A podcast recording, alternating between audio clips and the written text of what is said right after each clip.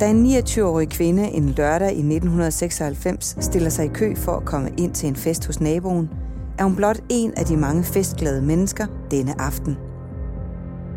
Ingen af dem i køen har nogen anelse om, at festen få timer senere vil være forvandlet til kaos og død. Politiet havde godt nok advaret arrangørerne, rockergruppen Hells Angels. Ordensmagten mente, at det var en dumdristig idé at gennemføre den årlige vikingefest, imens en krig havede mellem HA og Banditers. Men festes det skutter, mente Hells Angels. Den beslutning kom til at koste flere menneskeliv og kvæste mindst 18 personer, som du kommer til at høre om i denne episode af Danske Drabsager. Vi skal høre om arbejdet i og omkring Rockerborgen i timerne efter drabene. Vi hører om et afgørende spor på et hustag tæt ved, og så hører vi også om, hvordan man obducerer en person, der har fået skader, som man ellers kun ser i krig. Til at fortælle om sagen i denne episode har jeg talt med tidligere drabschef Ove Dahl, kriminaltekniker Bent Hytholm Jensen, professor i retsmedicin Hans Peter Hågen og tidligere anklager Anne Begitte Styrup. Mit navn er Stine Bolter. Velkommen til podcasten Danske Drabsager, fortalt af de fagfolk, der har været helt tæt på.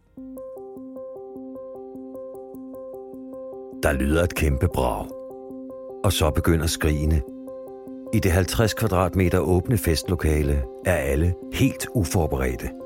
Dødsmaskinen, som netop har boret sig ind i rummet, eksploderer i det inferno af brændende fragmenter og forvandler festlokalet til et dødskammer.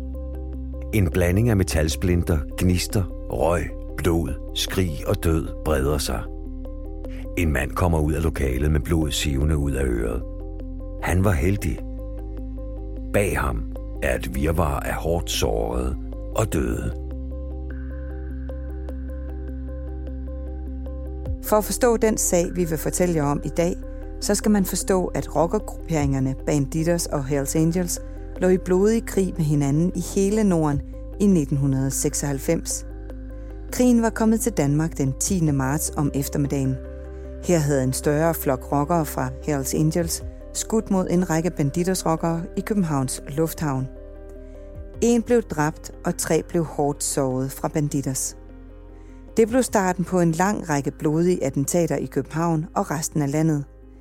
Angrebene bølgede frem og tilbage mellem Hells Angels og banditers, øje for øje, tand for tand, hævn for hævnens skyld. Parterne ville ikke have hjælp af politiet, de klarede det her selv. De forskellige angreb viste, at de stridende grupperinger ikke skyede nogen midler. De udløste bilbomber, skød med skarpt midt i et menneskemylder i lufthavnen, de affyrede 290 skud med et maskingevær fra en fodboldbane og kastede to håndgranater ind i et fredeligt villakvarter. Der blev det hele taget brugt mange typer skydevåben, håndgranater og raketter. Efter et halvt års krig skete der noget, som drabs efterforsker Ove Dahl aldrig vil glemme. En panserværnsraket blev affyret direkte ind i Hells Angels klubhus. Det var ikke en tilfældighed, at det lige var den aften, at det voldsomme våben blev affyret. Selve raketangrebet i Titangade var lørdag den 5. oktober. Der ville øh, Hells Angels holde en såkaldt vikingefest i deres klubhus ude i Titangade. Det var for medlemmer og øh, pårørende øh, og påhæng og så videre, men man havde også valgt at dele nogle løbesedler ud i nabolaget, fordi man gerne ville invitere nogle af beboerne, som er naboerne, hvis der var nogen, der havde lyst. Københavns politis ledelse havde forsøgt, og det var jeg ikke en del af på daværende tidspunkt, men, men de havde forsøgt at overtale Hells Angels til at lade være med at holde den der fest. Det var jo lige midt i, i krigen, øh, så det kunne være farligt for, for alle, hvis man ville gennemføre den, den fest. Men nu er det jo sjældent, at øh, rockerne lytter til politiet, så, så festen den, den blev sat i gang øh, derude lørdag aften. Og i stedet for, så måtte politiet bruge rigtig mange ressourcer på, på sikkerhed omkring festen med visitation og adgangskontrol. Og på et tidspunkt var der vel en, måske en 300-400 mennesker til stede ude ved, ved selve festen, hvor de hyggede sig, og, og der var også øh, halm på gulvet, og der var øh, dyr, og jeg ved ikke hvad. Der var virkelig virkelig gang i den. Klokken 6 minutter over 3 om natten blev klubhuset ramt af en panserværnsraket, som er et voldsomt våben, man normalt bruger i krig. Det kan bore sig igennem en pansret mandskabsvogn, få den til at eksplodere og dermed skabe massiv død og ødelæggelse. Raketten denne oktobernat gennemborede murværket på første sal i det ene hjørne af klubhuset. Det fløj direkte hen over hovedet på de udkommanderede politifolk og ind i festlokalet, hvor der var fyldt med dansende gæster, DJ og barpersonale. Men det var jo en forfærdelig øh, eksplosion, fordi der, der, den udløser rigtig mange forskellige fragmenter, øh, og den eksplosion, den medførte jo altså død og ødelæggelse. På daværende tidspunkt, øh, der var der tyndet lidt ud i antallet af øh, gæster på selve stedet. Man skønnede, at der var cirka en, en 130 mennesker på, he, på hele området. De var ikke inde i, i selve festlokalet alle sammen hele tiden, men de var øh, til stede derude rundt omkring.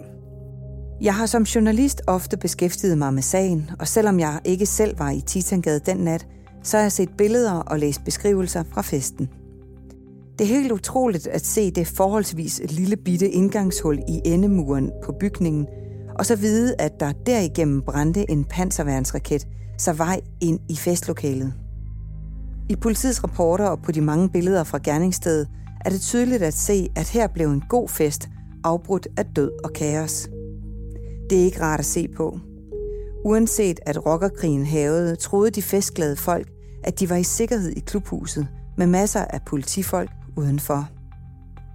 Jeg har talt med flere, der var til stede, og de fortæller om panik, blod, afrevne lægemestele, skrig og i det hele taget krigslignende tilstanden, lige midt på Nørrebro.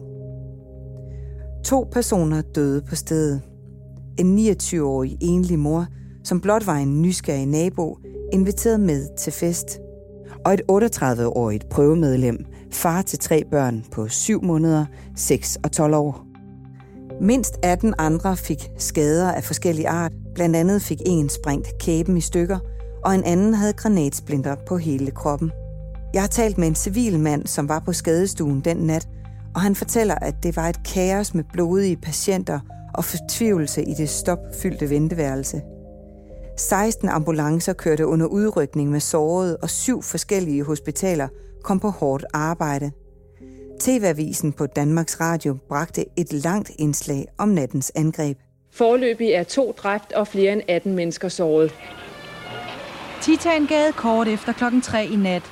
Politi og redningsmandskab arbejder på højtryk for at få båret de dræbte og sårede ud fra Hells Angels hovedkvarter. Her holdt rockerne deres årlige vikingefest. Der blev sendt alt, hvad der kunne skaffes af redningskøretøjer, ambulancer og ekstra politi til stedet i Titangade. En af dem, der blev ringet op, var daværende efterforsker, senere drabschef Ove Dahl.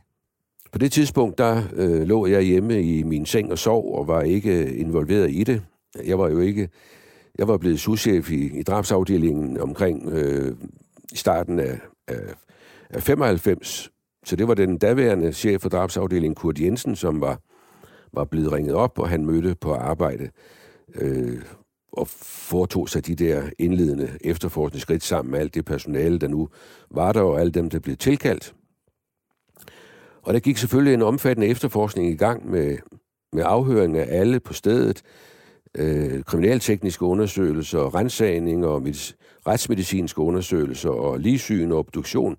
Alt det, som man normalt gør i en, en drabsag, det blev selvfølgelig øh, sat i gang. Men det her, det var jo i høj grad en, en lidt voldsom opgave med, med, med så mange involverede mennesker, så, så, så det, krævede, det krævede en stor indsats, kan man sige.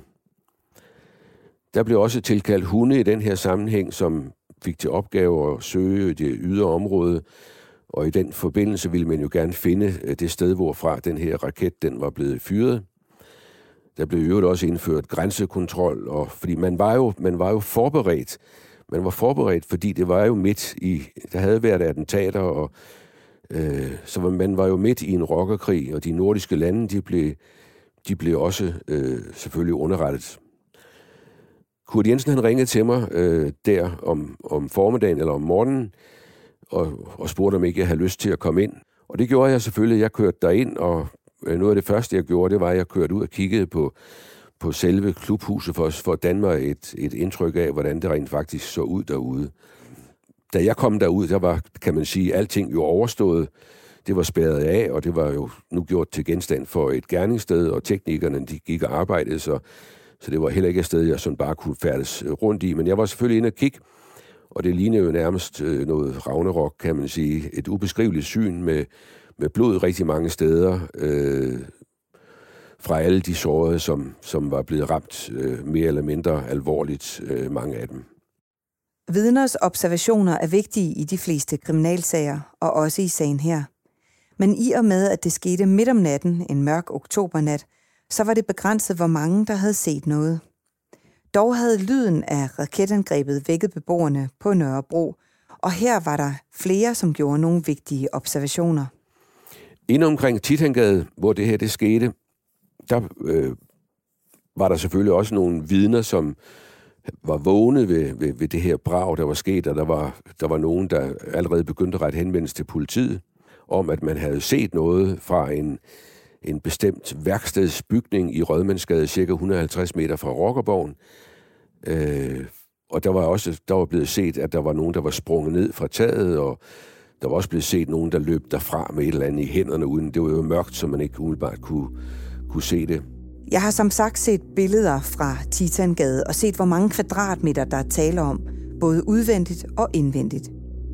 Noget af det første, man skulle finde ud af, var som sagt, hvor var raketten blevet affyret fra. Vidner fortalte, at man havde hørt braget og set nogen hoppe ned fra et nærliggende tag. Efterforskerne kunne også via indgangshullet retningsbestemme, hvor raketten var kommet fra. Her fandt man frem til den eneste høje bygning i området, under 100 meter fra klubhuset. Kriminaltekniker Bent Hytholm Jensen har over 40 års erfaring med at arbejde på gerningssteder overalt i Danmark og udlandet. Han ved om nogen, hvilket arbejde de stod overfor på gerningsstedet i Titangade. Efter ganske kort tid, jamen, så bliver vi jo rekvireret og får besked på, at øh, der er sket en voldsom hændelse inde i Titangade. Øh, der er sandsynligvis blevet skudt en øh, panserværnsraket igennem muren ind øh, til et opholdslokale, og der er flere til skadekommende og muligvis også nogle dræbte. Og det er klart, så samler man jo et hold øh, i Kriminalteknisk Center, øh, og så sender man dem afsted ud til, til gerningsstedet. Og der er totalt kaos der, øh, fordi der var massevis af mennesker derude på det tidspunkt, der, og, og ambulancer og brandbiler og alt muligt.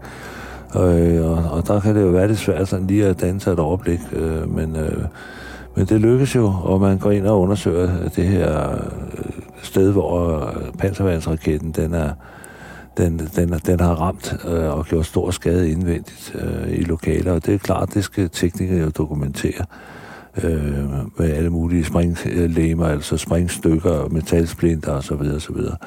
Men samtidig skal man jo også øh, ret hurtigt finde ud af, hvor er den her raket affyret fra. Øh, og der har man jo allerede på det tidspunkt øh, fra drabsafdelingen øh, fundet frem til, at hvis man gik ud gennem hullet, øh, så kunne man faktisk se over på en høj bygning, der lå omkring 100 meter derfra, at det måtte altså være der, det, øh, at det var affyret fra da, da man kommer op på taget, øh, det formodede sted, hvor man har skudt affyret den her raket fra, så finder man en, en, et, øh, et hylster fra en affyret panservandsraket, øh, plus at man finder en, der ikke er affyret, øh, liggende ved siden af. I første omgang, øh, så er det jo klart, at, at øh, når der taler om sådan et øh, kraftigt våben som, øh, som et raketstyr, så skal man behandle det med varsomhed, hvis man ikke har helt styr på, hvordan sådan noget det virker. Øh, og udover det, så er det klart, så arbejder man jo også sammen med forsvaret, øh, som jo så øh, kommer til stede og så fortæller, øh, hvilken type der er tale om, og de undersøger selvfølgelig også, om der er blevet stjålet nogen et eller andet sted. Øh, og, og, og altså, vi arbejder meget sammen med forsvarets øh, ammunitionsrydningstjeneste, og de får selvfølgelig lov at deltage i forbindelse med undersøgelsen.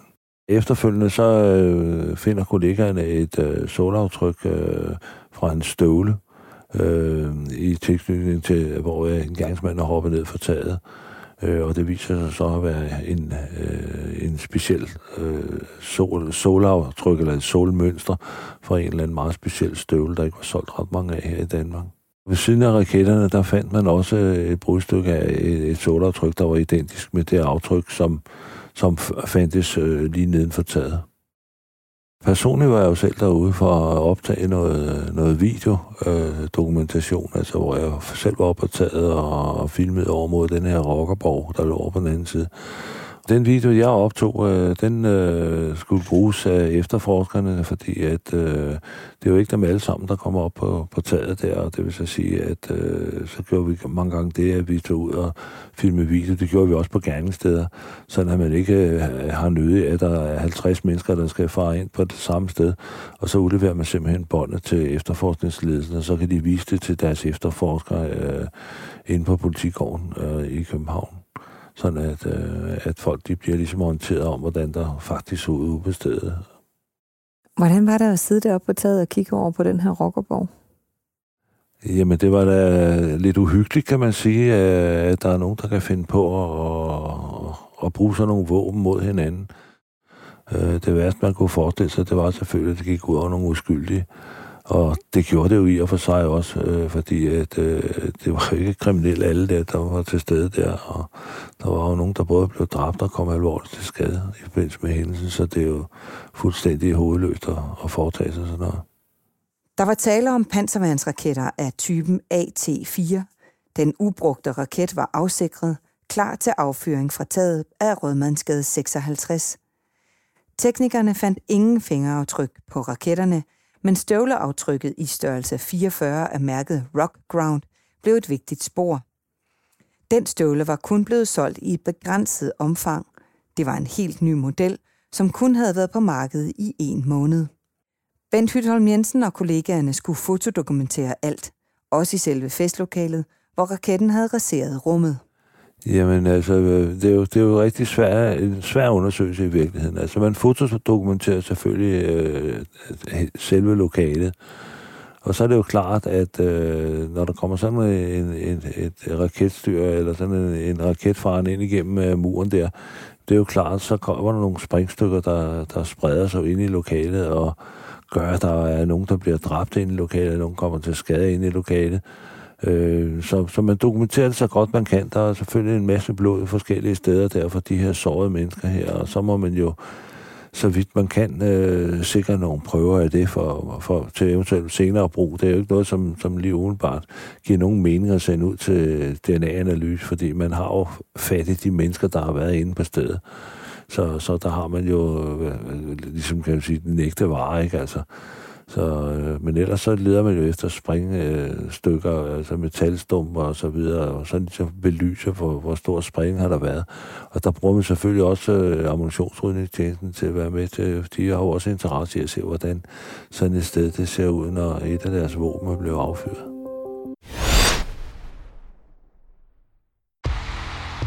Stream nu kun på Disney+. Plus. Oplev Taylor Swift The Eras Tour, Taylor's version. Med fire nye akustiske numre.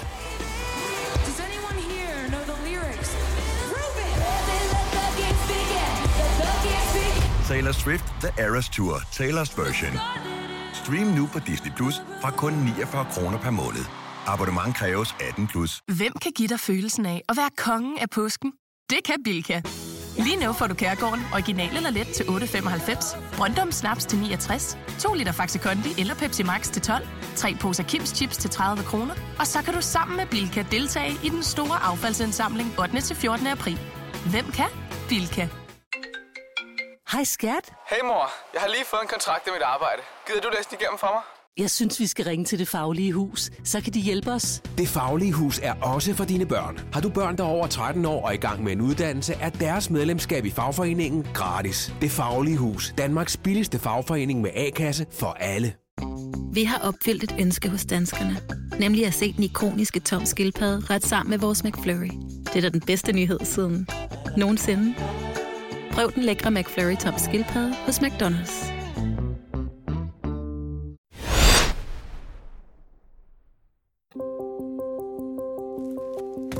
I ly af mørket hopper to mænd ned fra taget og tager flugten væk i løb. I klædt mørkt tøj fra top til tå er de stort set uigenkendelige. Men vidner ser, at de løber hen mod en ventende bil, hopper ind og bliver kørt væk. Et par politihunde snuser sig frem i mørket. og snart gør de. Kigger på deres hundefører og signalerer, at her er noget, der kan være et spor.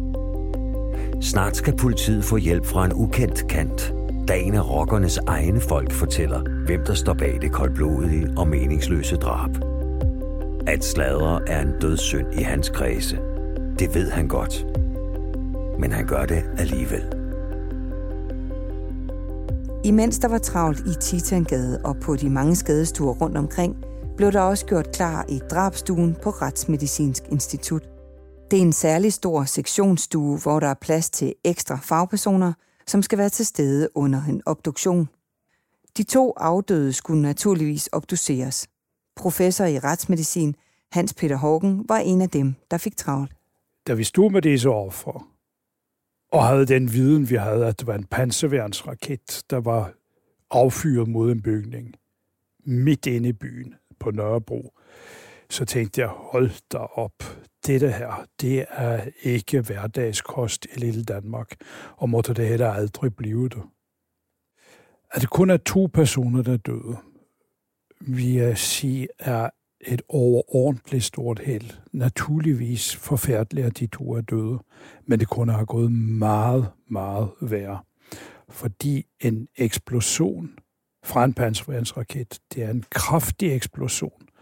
Og når der er et lille lokale, som er lukket, så kan eksplosionskraften blive om muligt endnu større. Vi fik travlt med at kortlægge de forskellige lesioner, de afdøde havde, og der var mange lesioner. Og det er ikke ualmindeligt ved en eksplosionsulykke. Øh, for det første, så er det alle de sår, man får på grund af projektiler, der farer igennem luften, det vil sige altså fragmenter. Og det kan være fragmenter fra selve granaten.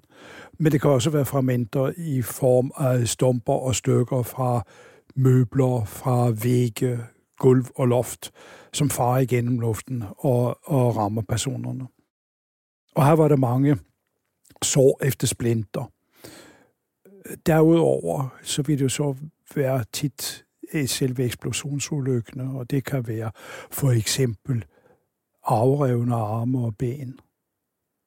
Der kan være sprængninger, som man typisk ser under selve obduktionen. Det er sprængninger i lungerne, at trommehænderne er røget, kan være revnet i tarmen og mavesækken. Bare for at give nogle eksempler. Og her så vi flere af denne her type lesioner. De ofre, der blev behandlet ude på hospitalerne, havde mange skader. Og det var typisk, at de var blevet ramt af projektiler, det vil sige granatfragmenter, eller fragmenter fra det lokale, de, øh, de var i, altså fra vægge, gulv, loft, møbler osv. Og de havde jo så mange sår på kroppen, og også i ansigtet. Det kunne være åbne brud, og det kunne være alt fra kæbebrud til brud af en lillefinger. Og det var jo nu, der naturligvis krævede behandling, og nogle af disse lesioner, de var jo så voldsomme, at det krævede de større operative indgreb for at redde disse patienter. Når man står med et scenarie som dette, hvor du er talrige sårede, og også et par døde, så er det jo noget, der kræver en koncentreret indsats fra hver især, der er med i det. Og det er meget vigtigt, at det sådan stort scenarie bliver styret af nogen, der ved, hvordan man styrer øh, en katastrofesituation. Og jeg vil sige, jeg følte mig jo som et ret lille tandhjul i et stort maskineri, men det fungerede, og det var jo altså voldsomt, det jeg så, og det var voldsomt, det jeg fik høre. Og der er det meget vigtigt at fokusere på det, man laver, og ligesom forsøge at holde alle indtryk ude, fordi man har en opgave, man skal løse, og så er der andre, der må tage sig af de andre opgaver. Hele området omkring Titangade skulle undersøges indgående for tekniske beviser. Kriminaltekniker Bent Holm Jensen og hans kollegaer kom hurtigt på sporet af noget, som kunne have betydning for sagen. I forbindelse med, med hændelsen derude der, der øh, afsøger politihunde jo området også på den flugtvej, som man må formode, at gerningsmanden er flygtet af. Og øh, politihunde, de er jo rigtig, rigtig dygtige. Øh, og på et tidspunkt, så er der en af hunde, der markerer for øh, en sort elefanthue, også kaldt en røverhue, der ligger øh, nede i en kælderhals. Og, og den bliver så sikkert, den her elefanthue. Øh, og det var jo sådan lidt af en gave til politiet, kan man sige, fordi at øh, man sendte den her hue afsted ud til Retsgenetisk Institut, hvor at øh, man på ene siden øh, sikrede sekret fra spyt øh, fra, øh, fra munden og, og, og noget fra næsen sandsynligvis. Plus at man konstaterede, at der var en lille smule blod øh, lige under den ene øjenåbning. Og det, man kunne jo godt formode, at i forbindelse med affyringen af det her raketstyr her af gerningsmanden, så måske ikke lige har været forberedt på rekylen, øh, når man affyrer sådan et våben der, så han har fået slået et lille øh, hul der lige under øjet. Øh, men øh, under alle omstændigheder, så er retsgenetikerne, de er jo super dygtige, øh, så de fremkaldte en DNA-profil, der var brugbar på et senere tidspunkt i sagen. Imens alle fagfolkene tog sig af de tekniske spor og retsmedicinske undersøgelser, havde efterforskerne travlt med at finde ud af, hvem der havde affyret raketten. Det var umiddelbart ret åbenlyst for Ove Dahl og hans folk. Det var jo klart for enhver, øh, at det måtte være banditters, øh, man skulle kigge efter, at det måtte være dem, som, som stod bag det her. Det, var, det kunne jo ikke være sådan bare nogen helt tilfældige, der pludselig fyrer en, en panservandsraket ind i HA-klubhuset. Så det, må, det, må, det måtte være banditersvejen, man skulle kigge, og det var derfra, at øh, gerningsmændene måtte, måtte være kommet. Og allerede kort tid efter, øh, cirka et kvarter efter, der havde man allerede øh, omringet et banditers klubhus oppe i Stenløse, øh, hvor man vidste, at der også var en, en anden fest i gang. Så der blev sendt noget politi ud, som, som lukkede, kan man sige. Man, man trængte ikke ind deroppe, men man lukkede simpelthen klubhuset op i Stenløse, så ikke der kom nogen ud, og der ikke kom nogen ind. Øh, det var selvfølgelig sådan en, en sikkerhedsforanstaltning, indtil man kunne begynde at trænge ind derop. De første 48 timer i en drabs efterforskning er altid vigtige, for her er spor varme, og forbrydere kan have sværere ved at skjule fysiske skader end senere hen. Selvom der var tekniske spor, og at alt pegede på banditters, var det op ad bakke for Ovedal og hans folk. Lige indtil et tip blev overleveret til politiet. I rockerkrigen, der var vi så heldige, at vi havde det, der hedder en, en informatør, en kilde, som, som gerne ville fortælle os nogle, nogle ting. Øh, og det var en, en person, som, som var højt placeret i, i banditterskredse, og man, en person, som, som en af mine medarbejdere havde et godt forhold til, som, som han kunne ringe til og, og, og spørge, øh, hver gang der havde været et attentat, hvem der øh, måske havde gjort det, og hvordan det var gjort, og hvorfor det var gjort. Selvfølgelig anonymt, men vi fik ofte nogle rigtig gode informationer, der kunne lede os den, den rigtige vej. Og ham, øh, vi fik rent faktisk den information, at vi ret hurtigt der i løbet af dagen, der fik vi, vi fik at vide, at der var tre personer, som, som spillede en rolle i den her sag, altså tre banditersfolk. Vi fik navnene på dem, at det var dem, der havde gjort det. Det var der ingen tvivl om, men vi fik også navnet på ham, der skulle have afskudt den her, den her øh, panservandsraket. Og vi fik information om, at han var en person, som øh, havde haft en fortid i, i forsvaret, og han der havde trænet, og han vidste noget om, om det at afskyde sådan en panserværnsraket. Ved Banditters klubhus i Stenløse slog politiet massivt til tidligt om morgenen efter raketangrebet. De ville registrere og notere, hvem der var til stede, så ingen fik lov til at forlade stedet, før politiet var færdig med deres arbejde. Ovedal husker tydeligt aktionen. Selve huset havde jo været bevogtet, men det viste sig, at der var en bagindgang, øh, som man ikke havde været opmærksom på. Øh, og, og da man ligesom lukker op deroppe, så viste det sig jo, at ham her, vi lige har talt om, han var til stede oppe i klubhuset, og påstod, at han havde været der hele tiden. Øh, og det var der også jo andre, der sagde, at han havde været. Og så, så på daværende tidspunkt kunne man ikke rigtig, kunne man ikke rigtig gøre, gøre noget ved ham, men, men, men vi var dog overbevist om, at han sagtens kunne være og andre kunne sagtens have været en tur ind i Titangade og være kommet tilbage til Stenløse, og kunne været øh, kommet ind af den bagindgang øh, oppe i klubhuset i Stenløse. Men det var selvfølgelig lidt ærgerligt, at man ikke fra starten af havde fået øh, spadet det ordentligt af. Men der var altså sket et lille øh, svigt der. Nu galt det om at få indkredset de mistænkte og sammenlignet deres DNA, fingeraftryk og sålaftryk med de tekniske beviser, som var i sagen.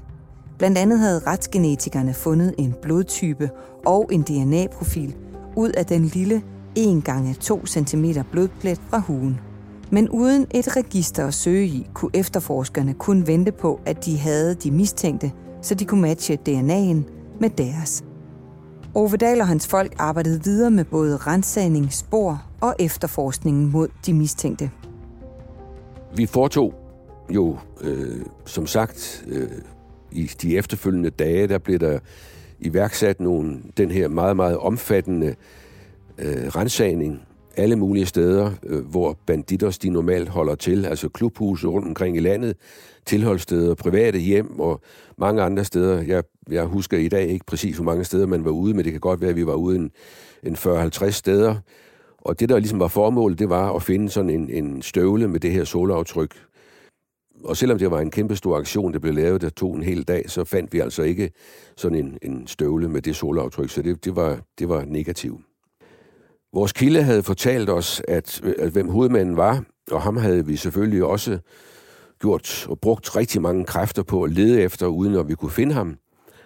På et tidspunkt, øh, han var nærmest som sunket i jorden, på et tidspunkt, der øh, fik vi en information om, at han formentlig befandt sig i, i Frankrig, og han formentlig var flygtet til Frankrig øh, ganske kort, nogle, nogle ganske få dage efter, efter selve attentatet.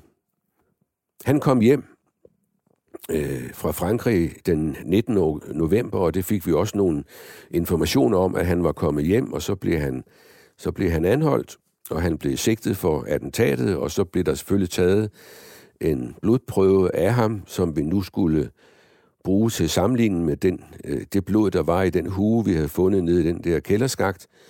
Den var selvfølgelig blevet sendt til undersøgelse øh, på, hos retsgenetikerne, øh, og der var lavet en DNA-profil, og, øh, og der tog vi så en blodprøve af ham her, hovedmanden, som vi havde fået at vide skulle være ham, der affyrede raketten, og at man kunne, man kunne måske godt tro, at han, da han affyrer raketten, øh, kan der være tale om noget rekyle, og det vil sige, at han bliver ramt selv i hovedet, og der kommer en lille skrammer over det ene øje, og derved kommer han til at bløde, og det så var det blod, der var der. Og en DNA-analyse viste, at, at det var det blod, der var i hugen, det stammede fra, fra ham. Så nu var han nærmest også navlet fast til selve gerningen. I hvert fald var han navlet fast til den der hue. Han havde dog den forklaring på det, at, at han mente, det kunne være næsblod, og huen var i øvrigt sådan en fælles hue, de havde i et klubhus nede i Nykøbing Falster.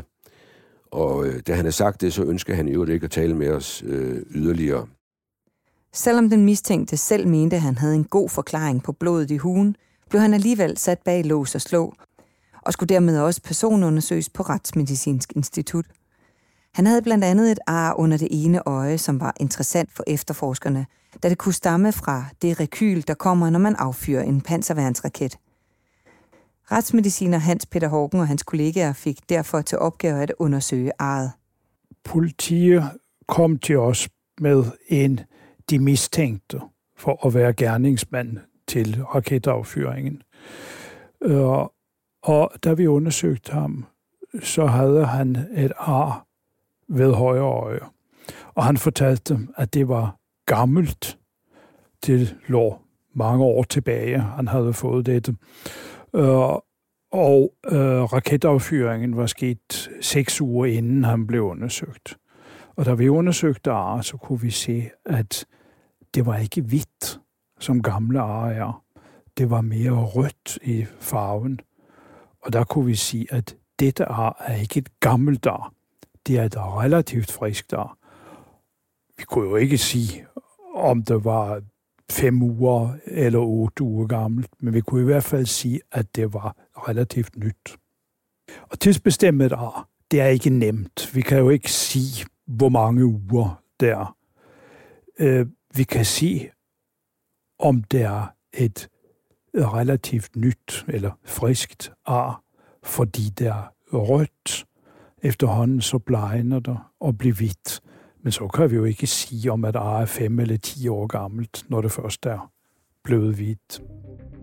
Politiet efterforskede på livet løs i lang tid efter angrebet.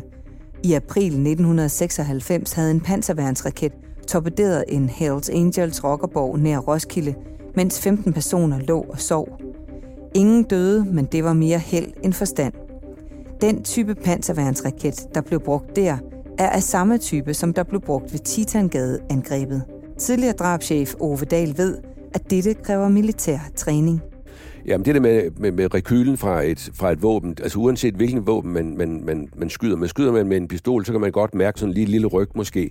Skyder man måske med et gevær, man lægger på skulderen, så kan man også godt mærke, så kan man godt mærke på skulderen, hvis man ikke holder ordentligt fast, at så kommer der det, det der ryg. Og det samme sker, hvis det, det er en panserværnsraket. Øh, I det øjeblik, han trykker på aftrækkeren, så kommer der det der ryg i, så det er simpelthen sådan et, et, et, et baglæns tryk, der kommer i samme øjeblik, at den bliver fyret af og så ryger den afsted, men, men man skal del med at holde godt fat, og det skal man i princippet med alle våben. Jeg har aldrig, prøvet, jeg har aldrig prøvet, at, og selvom jeg har været i militæret, jeg har aldrig prøvet at, at skyde med en, en panserværnsket, så jeg ved det selvfølgelig ikke, men, men, men jeg, vi, vi fik det jo undersøgt, og vi fik nogle militærfolk til at forklare, hvordan det var.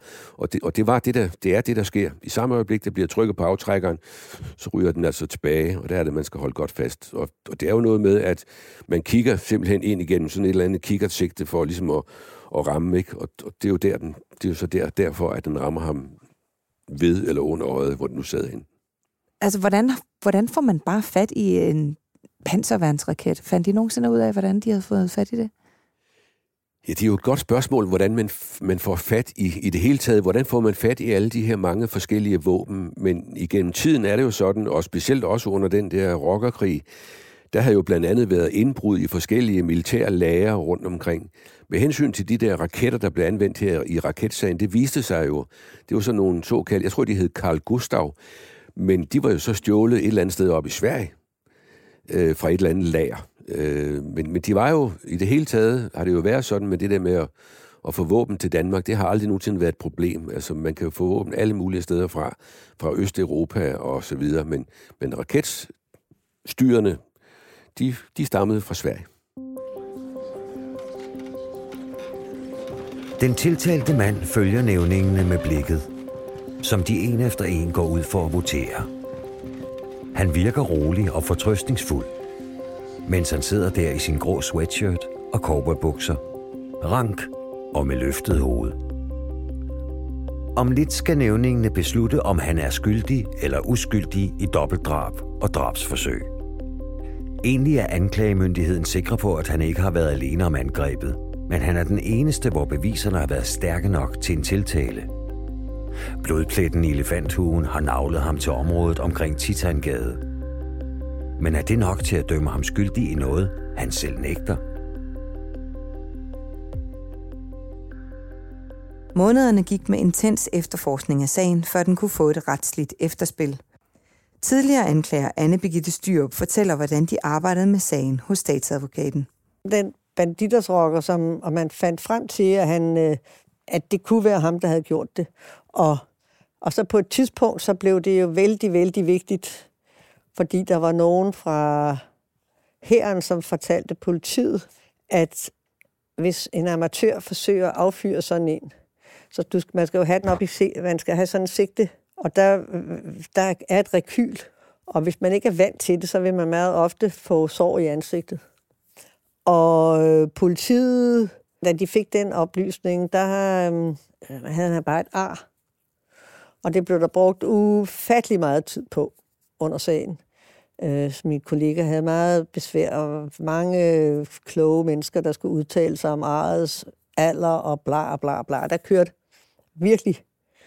Øh, det var meget, der blev brugt rigtig meget tid under sagen på, fra forsvarens side for at modbevise, at øh, det der ar kunne hedrøre fra rekylen fra panserværnsraketten. Så blev han dømt, og næste dag, så bragte Ekstrabladet et billede, hvor man så det sår. Og hende, der mødte med den, hun, hun kunne næsten ikke holde det ud. Hun sagde, jeg tænker på, hvad vi har brugt af tid på det elendige sår, og så offentliggør de bare det billede, de har haft hele tiden. Efter at han har fået dommen. Hun var, hun var, blod, hun, hun var virkelig oppe i det blodrøde felt, og sagde, at det kan de simpelthen ikke være bekendt, at de ikke kommer. Og så havde, øh, som, som jeg husker, der ringede hun og skældte, øh, og skældte øh, ud over det, og sagde, at hun synes, det var rigtig tageligt gjort. Og, og den journalist, som havde skrevet den sidste artikel der, sagde, jamen, at hvis de her, det var slet ikke gået op for dem, hvor vigtigt det var. For så ville de det.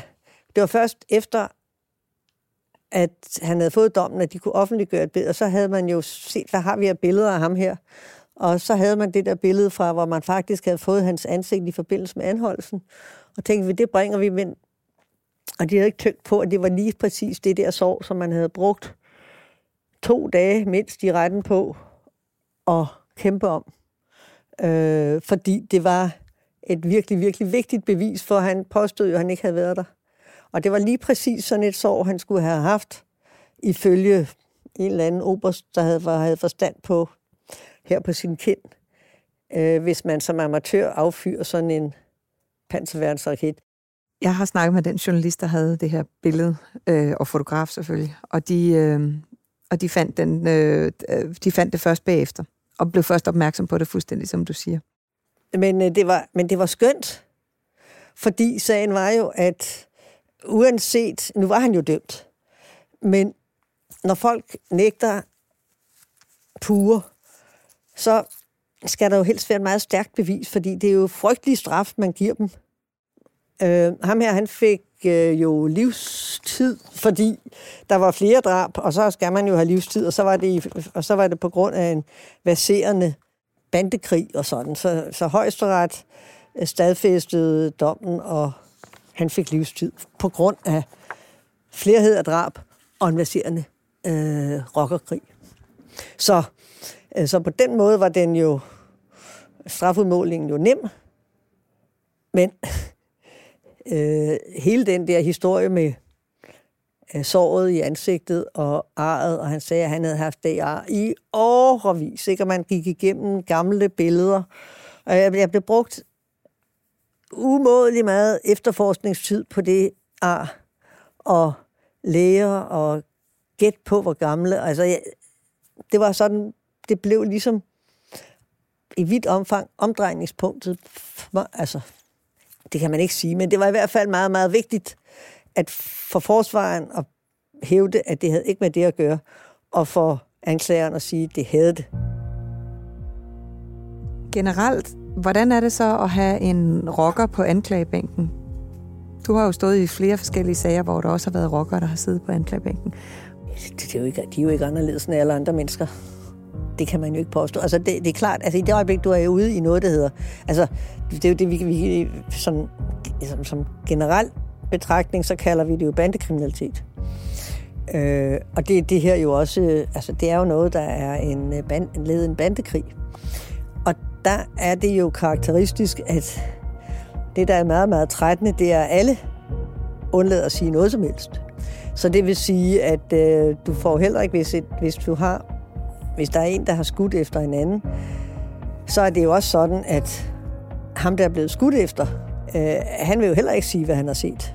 Så på den måde øh, er de jo frygtelige øh, trættende, at alle dem, der rent faktisk ved noget, og ved, kender baggrunden, og kan fortælle en, man ved, at, de, at der er 10, som politiet har afhørt, som alle 10 præcis ved, hvad det er, der er sket, og har deltaget i møderne, og så videre, og så videre, og det får man ikke noget og videre.